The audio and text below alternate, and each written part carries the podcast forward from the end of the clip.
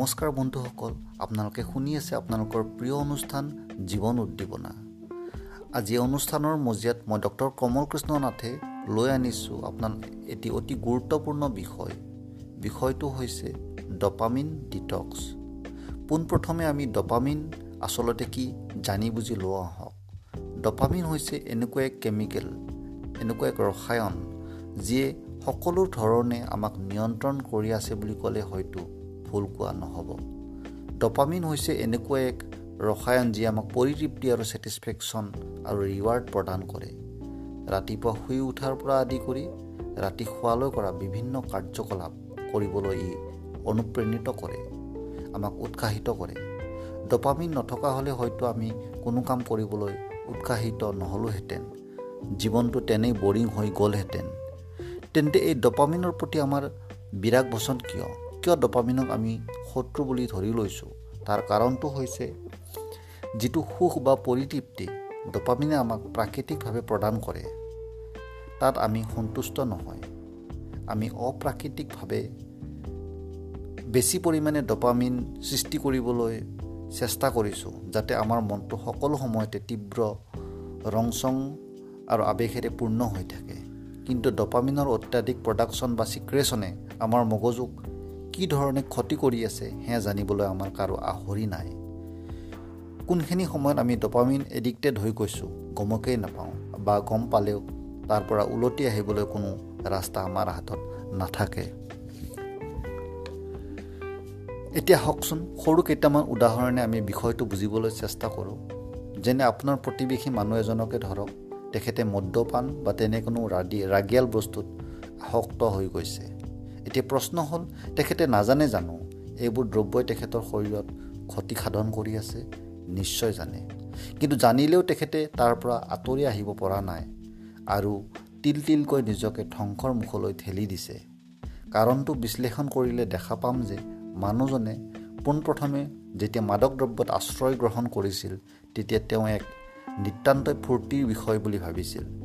কিন্তু সময়ৰ লগে লগে তাৰ পৰিমাণ বাঢ়ি আহিল। অৰ্থাৎ একেখিনি ফূৰ্তিৰ বাবে বেছি পৰিমাণৰ ডপামিনৰ প্ৰয়োজন হ'ল। মগজুত নিঃসৰণ হোৱা এই অত্যাধিক পৰিমাণৰ ডপামিনে তেখেতৰ মগজুটোক বেয়া ধৰণে ক্ষতিগ্ৰস্ত কৰিব ধৰিলে। লগে লগে ডপামিন ৰিচেপ্টৰবোৰ ডেমেজ হ'বলৈ আৰম্ভ হ'ল আৰু হেল্ডি ৰিচেপ্টৰৰ সংখ্যা কমি আহিবলৈ আৰম্ভ কৰিলে। তাৰ লগে লগে মগজুৱে কোনো সৃষ্টিশীল চিন্তা কৰিব নোৱাৰা হৈ আহিল। এটা সময়ত মানুহজন এডিক্টেড হৈ গ'ল। তেনে অৱস্থাত মানুহজনক ডি এডিক্ট কৰাটো অতি দুঃসাধ্য কাম। তাৰ বাবে মানুহজনৰ প্ৰচণ্ড ইচ্ছাশক্তিৰ লগে লগে চিকিৎসক আৰু অন্য অন্য আপোন মানুহৰ সহায়ৰ বাৰুকৈ আৱশ্যক হ'ব। এতিয়া বুজিলে নহয় সাধাৰণ জন লগা এবিধ ৰসায়নে যিকোনো উৎসাহ বা মটিভেশ্যন যিয়ে সৃষ্টি কৰে সেই সেই ডপামিন বোধৰ অতিচাৰৰ ফলত কেনেকুৱা এক ভীষণ সমস্যাৰ সৃষ্টি হ'ল? ভয়ানক কথাটো হৈছে এতিয়া আমি সৰুৰে পৰা বুঢ়ালৈ প্ৰায় সকলোৱে এই ডপামিন নামৰ ৰসায়নবিধৰ অতিচাৰ বা মিছ ইউজৰ চিকাৰ হ'বলৈ উপক্ৰম হৈছোঁ। সেইটো কঢ়িয়াই আনিছে আমাৰ হাতৰ মুঠিত থকা এটি সৰু মোবাইল ফোনে। ফেচবুক হোৱাটছআপ ইনষ্টাগ্ৰাম টিকটক আদি ছ'চিয়েল মিডিয়া। বিভিন্ন ধৰণৰ পাবজিকে ধৰি ভিডিঅ' গেমছবোৰে ইয়াক উদগনি জনাইছে। ভয়ানক কথাটো হৈছে পৰ্ণগ্ৰাফীৰ অবাধ প্ৰচলন। হাই স্পীড ইণ্টাৰনেটে এই পৰ্ণগ্ৰাফীক সহজলভ্য কৰি দিছে। ই অতি আকৰ্ষণীয় ৰূপত বিভিন্ন ধৰণে ইণ্টাৰনেটত উপলব্ধ হৈছে। এই ছাইটসমূহ ইমান আকৰ্ষণীয়ভাৱে প্ৰস্তুত কৰা হয় যে বহুতে এই প্ৰণ ছাইটৰ পৰা আঁতৰি আহিব নোৱাৰে। ইয়াত আসক্তি হৈ জীৱনৰ বহু বহুমূলীয়া সময় হেৰুৱায়। এই পৰ্ণ ছাইটবোৰ উপভোগ কৰাৰ সময়ত ডপামিনৰ পৰিমাণ বহু পৰিমাণে বাঢ়ি যায়। ফলত ই মগজুক বিভিন্ন ধৰণে ক্ষতি কৰে। পৰ্ণাসক্ত ব্যক্তিয়ে অন্য চিন্তা কৰাৰ ক্ষমতা হ্ৰাস পায়। মানুহজন মেজাজী ৰুক্ষ আৰু উৎসাহীন হৈ পৰে। কোনো কথাতে আনন্দ বিচাৰি নাপায়। মনোযোগ কমি আহে। কিন্তু কথাটো হৈছে বৰ্তমান উপলব্ধ ফেচবুকে আদি কৰি বিভিন্ন ধৰণৰ ছ'চিয়েল মিডিয়া ছাইটসমূহো ছাইটৰ দৰে মগজুৰ ক্ষতি সাধন কৰিবলৈ সক্ষম। বৰ্তমান এই ছ'চিয়েল মিডিয়াৰ ছাইটসমূহে আমাক এনেধৰণে গ্ৰাস কৰিছে যে দিনটো কিমানবাৰ মোবাইলটোলৈ চকু যায় আমি হিচাপেই নাৰাখোঁ।